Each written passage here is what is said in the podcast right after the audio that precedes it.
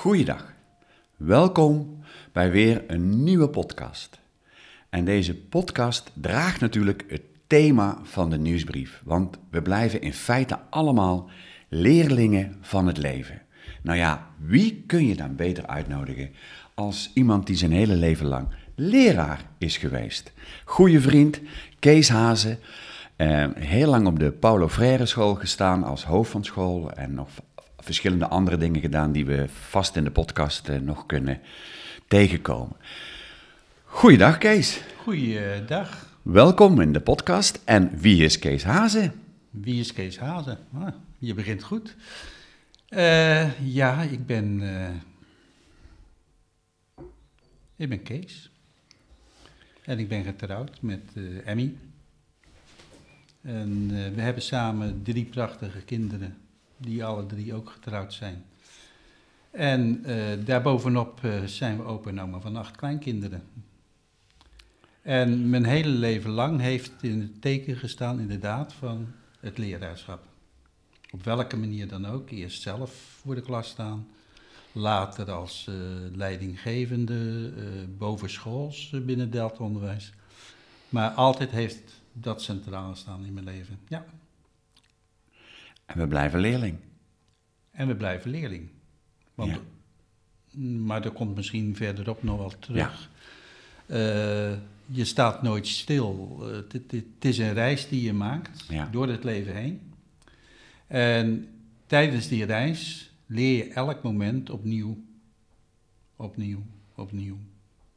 Ja. En eh, ja, als je daarna wil, naar, daarna, daarnaar wil kijken, dan, eh, ja, dan is het een één groot leerproces. ja. Dat klopt. Wat betekent innerlijke vrede voor jou? Innerlijke vrede betekent voor mij eh, accepteren, vooral acceptatie. Hm. Acceptatie van eh, wat er is. Ja. Eh, wanneer je voor jezelf constant in gevecht bent met hoe je het anders zou willen, dan kom je nooit aan die innerlijke vrede toe. Oh, mooi. Ja. We komen bij vraag 3. Wat zijn jouw meest intense groei- of ommekeermomenten in jouw leven geweest? Dat zijn wel de momenten geweest waarin zich een crisissituatie voordeed. Ja. Dat zijn de grootste leermomenten geweest. Ja. Als voorbeeld in de, de, de relatiesfeer met Emmy op enig ogenblik. Mhm. ging het mis. eh, en in- vanuit die situatie zijn we beide eh, begonnen met aan ons eigen proces te werken. Ja. Niet om het samen zo goed mogelijk te hebben, Ja. maar doordat we aan ons eigen proces werkten, eh, zijn we gekomen tot het punt waar we nu staan. Ja. Dus dat, is- dat is zo'n leermoment. Groeimoment, Groeimoment. Ja. Eh, ook een omkeermoment is, eh, er komen kinderen. Ja. Zeker. Je hele leven staat op zijn kop. Ja. Ja. Ja, en dat betekent gewoon dat, dat eh, wat voorheen met z'n tweeën was, nu ineens gedeeld moet worden. Maar niet Ja. alleen het delen, maar ze wilden de hele hap hebben. Ja. De hele taart en niet een puntje ervan. Ja. Ja. Dat weet jij ook, hè? Ja, dat, zo gaat dat dus, hè? Ja, ja, ja. Ja. En het, mooi dat je zegt eh, crisis, want in het Japanse eh, zeg maar teken van eh, crisis betekent, eh, het teken betekent zowel crisis als kans. En eh, nou ja, dan, Ja, dan zeg je ja, heel mooi dat, dat ja. het een kans is geweest om, eh, ja, om, om dat ommekeermoment, dat groeimoment ook te pakken. ja. En, en je daar, wat je zegt, ook zo mooi bewust te worden van. Ja, nou dankjewel. Hoe geef jij eh, zin en betekenis aan jouw leven? Eh, ja, eigenlijk op, op verschillende manieren. Eh, ik ben al een poosje met pensioen. Mhm. bijna negen jaar. En ik merkte al heel snel dat, dat stil thuiszitten eh mij uitnodigde om geraniums te gaan kopen, waar ik achter kon zitten. Oh ja. Ja. En eh, toen deden zich heel andere zaken voor en die heb ik uh, aangegrepen. Nu nog heel druk bezig met het, het huis waarin wij wonen, want dat hebben we nog niet zo lang geleden gekocht. Maar ook daar komt een eind aan. En langzaamaan ben ik toch weer bezig met, ja, maar wat verder. Ja. En uh, ik ben ook voorzitter van de stichting Dio Nepal. Mm -hmm. En dat gebeurt vooral in het oosten van het land. Of Ja. vooral, eigenlijk alleen maar. Ja. Wil je, wil je even de, de luisteraars uitleggen wat Dio Nepal is, Kees? Want ik ken het, maar Ja, jij kent het. Eh Dio Nepal is een stichting, een foundation, eh, in het leven geroepen door eh, mensen uit eh Voorde. En Ilse, Ilse Sapkota, die is ooit in haar leven getrokken naar Nepal. mhm. En daar kwam ze haar gids tegen, die, waarmee ze naar het basecamp eh, liep. ja, Maar dat ken je ook wel. ja, Basecamp Apollo. En eh, ja, die twee zijn verliefd geworden op elkaar. Eh, en ja, het is het armste land, of een van de armste landen ter wereld, Mhm. Nepal. En zij heeft zich ten doel, ten doel gesteld om de mensen uit de ja, provincie, zouden wij zeggen, eh, Dading, eh, te helpen om een, een acceptabele levensstijl te krijgen. Ze hebben huizen gebouwd, gezorgd dat iedereen eh, eh, een huis had, eh, maar ook dieren, Hm. een stukje grond om spullen te verbouwen. Helaas is dat bij de laatste aardbeving, of, niet de laatste aardbeving, maar de grote aardbeving, is daar veel van verwoest en dat wordt nu opgebouwd. Het grote doel van Dio Nepal was om de kinderen, en daar komen we op, weer terug op het onderwerp, om de kinderen onderwijs te geven. Ja, Dat ze da- in staat zouden zijn om onderwijs te volgen. ja, En dat, ja. mooi. En dat is iets waarvan ik zeg van nou, als ik dadelijk echt niks meer te doen heb, dan wil ik me daar toch wat meer nog op storten. Mooi. Nou, dat is weer het leraarschap eigenlijk, hè, in Ja, feite. Ja, Ja, mooi. Ja, nou ja, ik ben er zelf ook geweest, dus ja, ik, ik, ik kan me er alles bij voorstellen. Ja. En eh, bijzonder, bijzonder dat jij eh, je inzet voor de stichting eh, Dio en dat jij op, op zo'n manier, hè, zeg je zelf, eh, weer zin en betekenis aan je leven geeft en blijft geven. Ja, Oh, ja, mooi. Ja, ja. Ja, Kees, het, het leraarschap. Ik bedoel, jij bent er eh, vanaf de kweekschool, eh, weet je niet beter of je bent opgeleid tot ik heb, ik heb een hele leven lang veel vakantie gehad. Dat zonder meer, Dus. zonder meer. Ja, Maar hoe is, hoe is dat zo gekomen? Ik weet niet wat de drijfveer geweest is, maar ik zat in klas 6.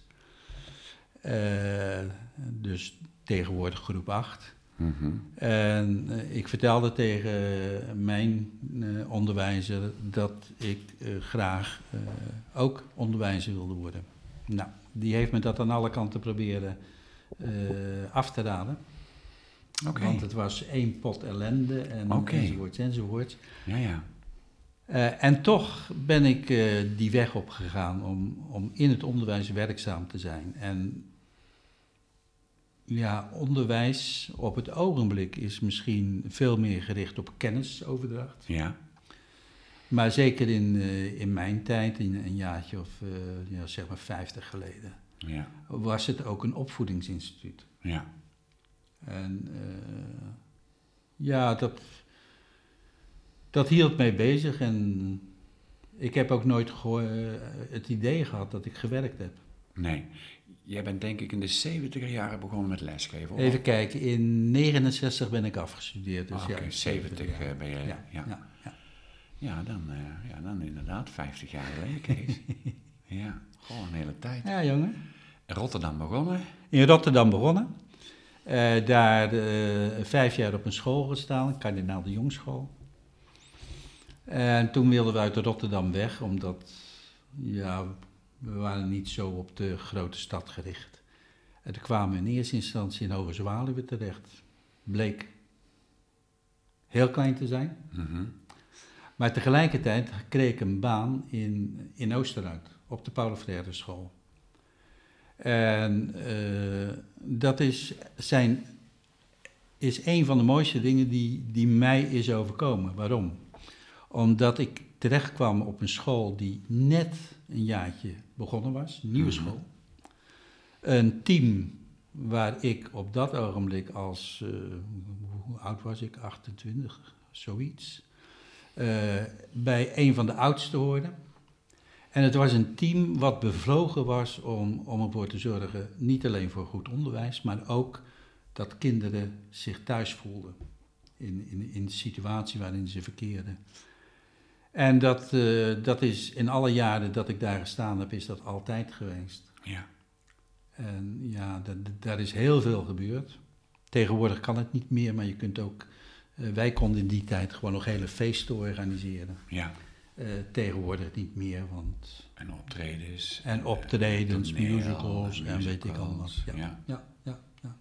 Dus er was één groot feest. Ja, Maar dat, dat slaat wel over op de kinderen. tuurlijk. Als zij ervaren dat hun Ja. leerkrachten eh, ja, ook, ook van feesten houden, Ja. dan wordt het leven een beetje een feest. Hè? Ja, bijzonder dat jij zo opmerkt dat het vooral ook ging om de kinderen een stukje veiligheid te geven.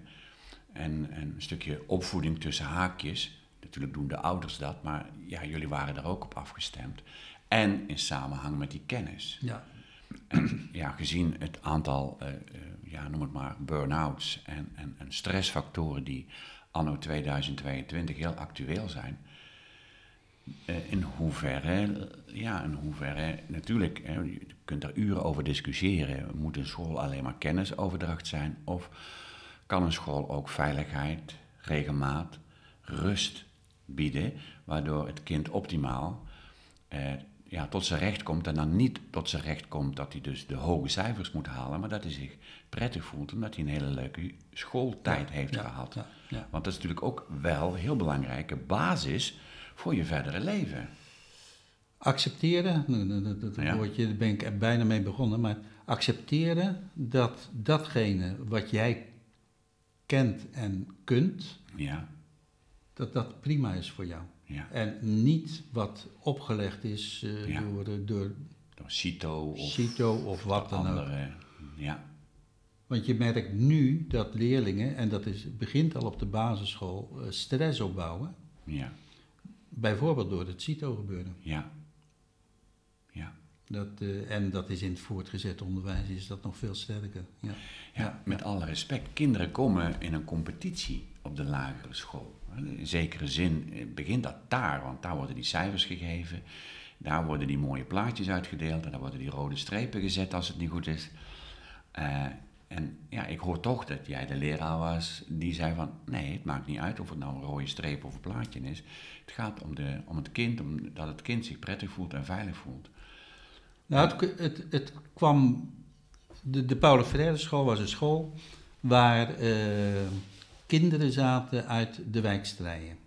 En dat waren eh, twee verschillende, ja, zo mag ik het wel zeggen, twee verschillende soorten kinderen. Kinderen uit het arbeidersmilieu en in de wat duurdere huizen, eh, ja, Ja. de andere kinderen. Ja, Maar dat was een integratie van deze twee, waardoor het mogelijk was om eh, toch een kind wat een 9 had gehaald voor een proefwerk, te zeggen, nou, ja, ja, ja, ja, ja. Het had nog net iets beter gekund, hè? mhm, En terwijl een kind wat een, eh, zes, een, een, een vijf of een zesje had gehaald, een pluim geven omdat hij zo goed gepresteerd heeft. ja, En dat verschil konden we maken.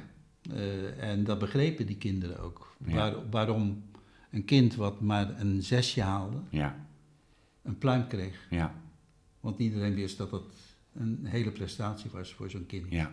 En dat is het belangrijkste. En nu worden kinderen, leerlingen, worden afgerekend op, eh, op hun CITO-toets. Ja, ja, En, en, en die CITO-toets begint eh, tegenwoordig al bij de kleuters. ja. ja. Dus Kun je nagaan. ja, ja. Goh, nou Kees, we zouden nog uren over het onderwijs kunnen praten natuurlijk, maar ik heb het mijn hele leven gedaan. dat bedoel ik, daarom.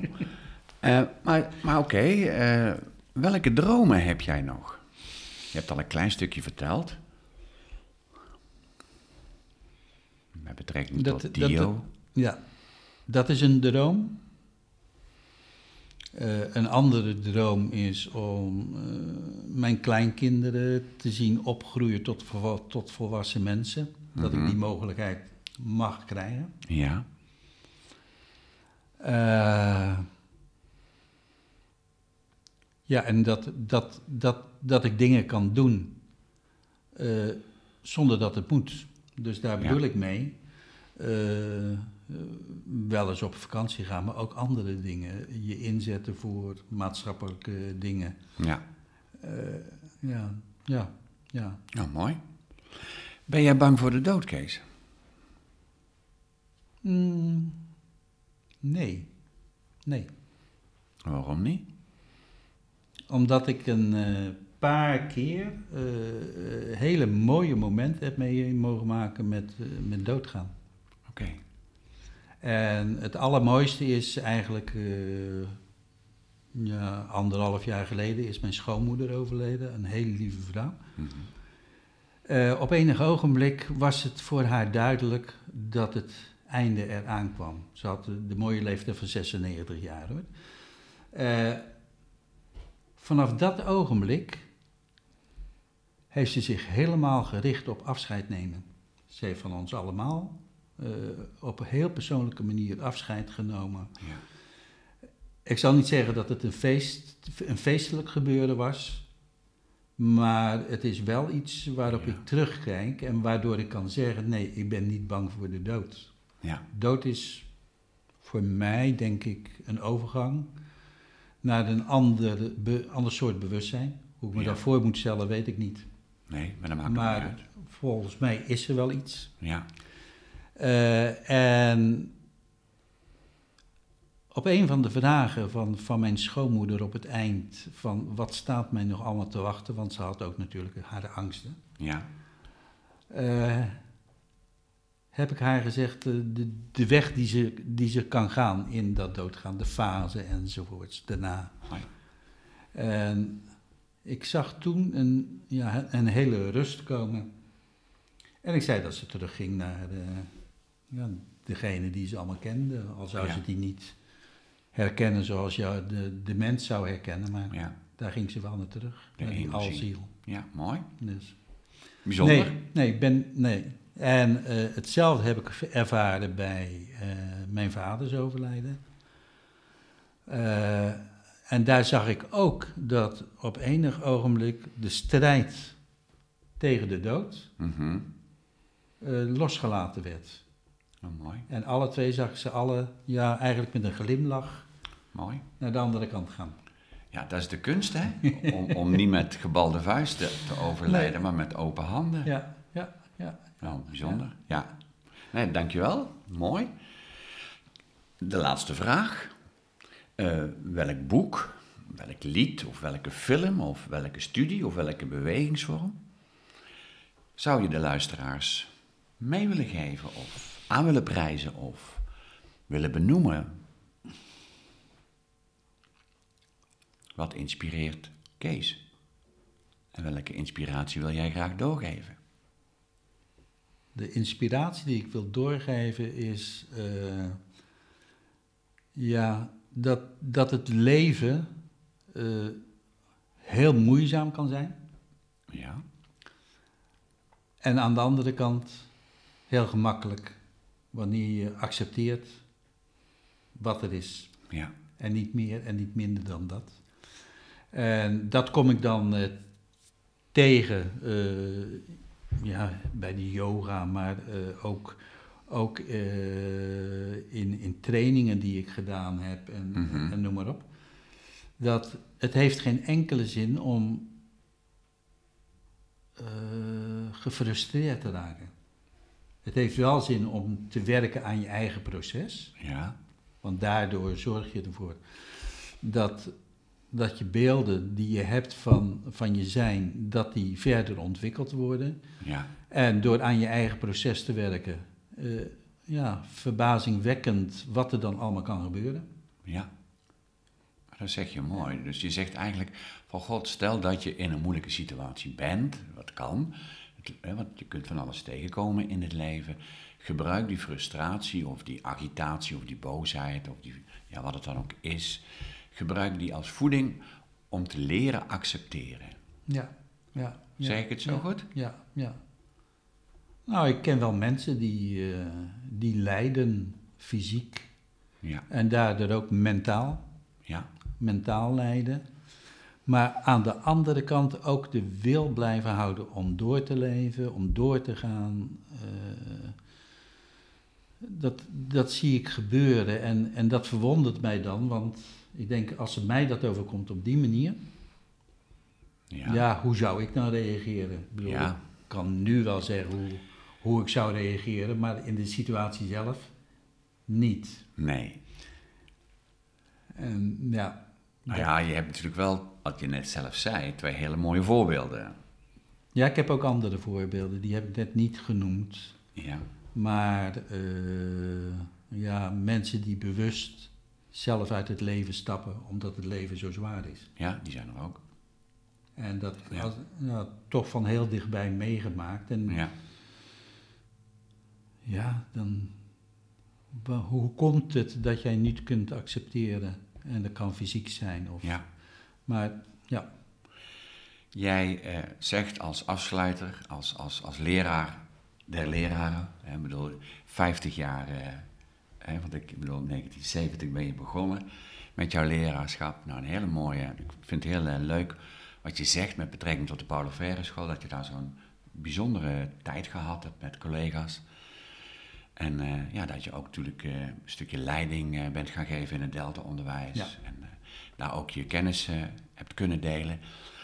Maar jouw grootste, zeg maar jouw grootste ja, cadeau wat je ons geeft hier in deze podcast is accepteer. accepteren. En niet, de- bij accepteren bedoel ik niet van overal genoegen meenemen. Nee, Maar accepteren dat je in deze situatie zit en kijken wat je daarmee kunt. ja. Nou, mooi. Ik denk dat we, dat vind ik een hele mooie afsluiting. Kees, eh, bedankt voor, eh, voor jouw eh, leraarschap.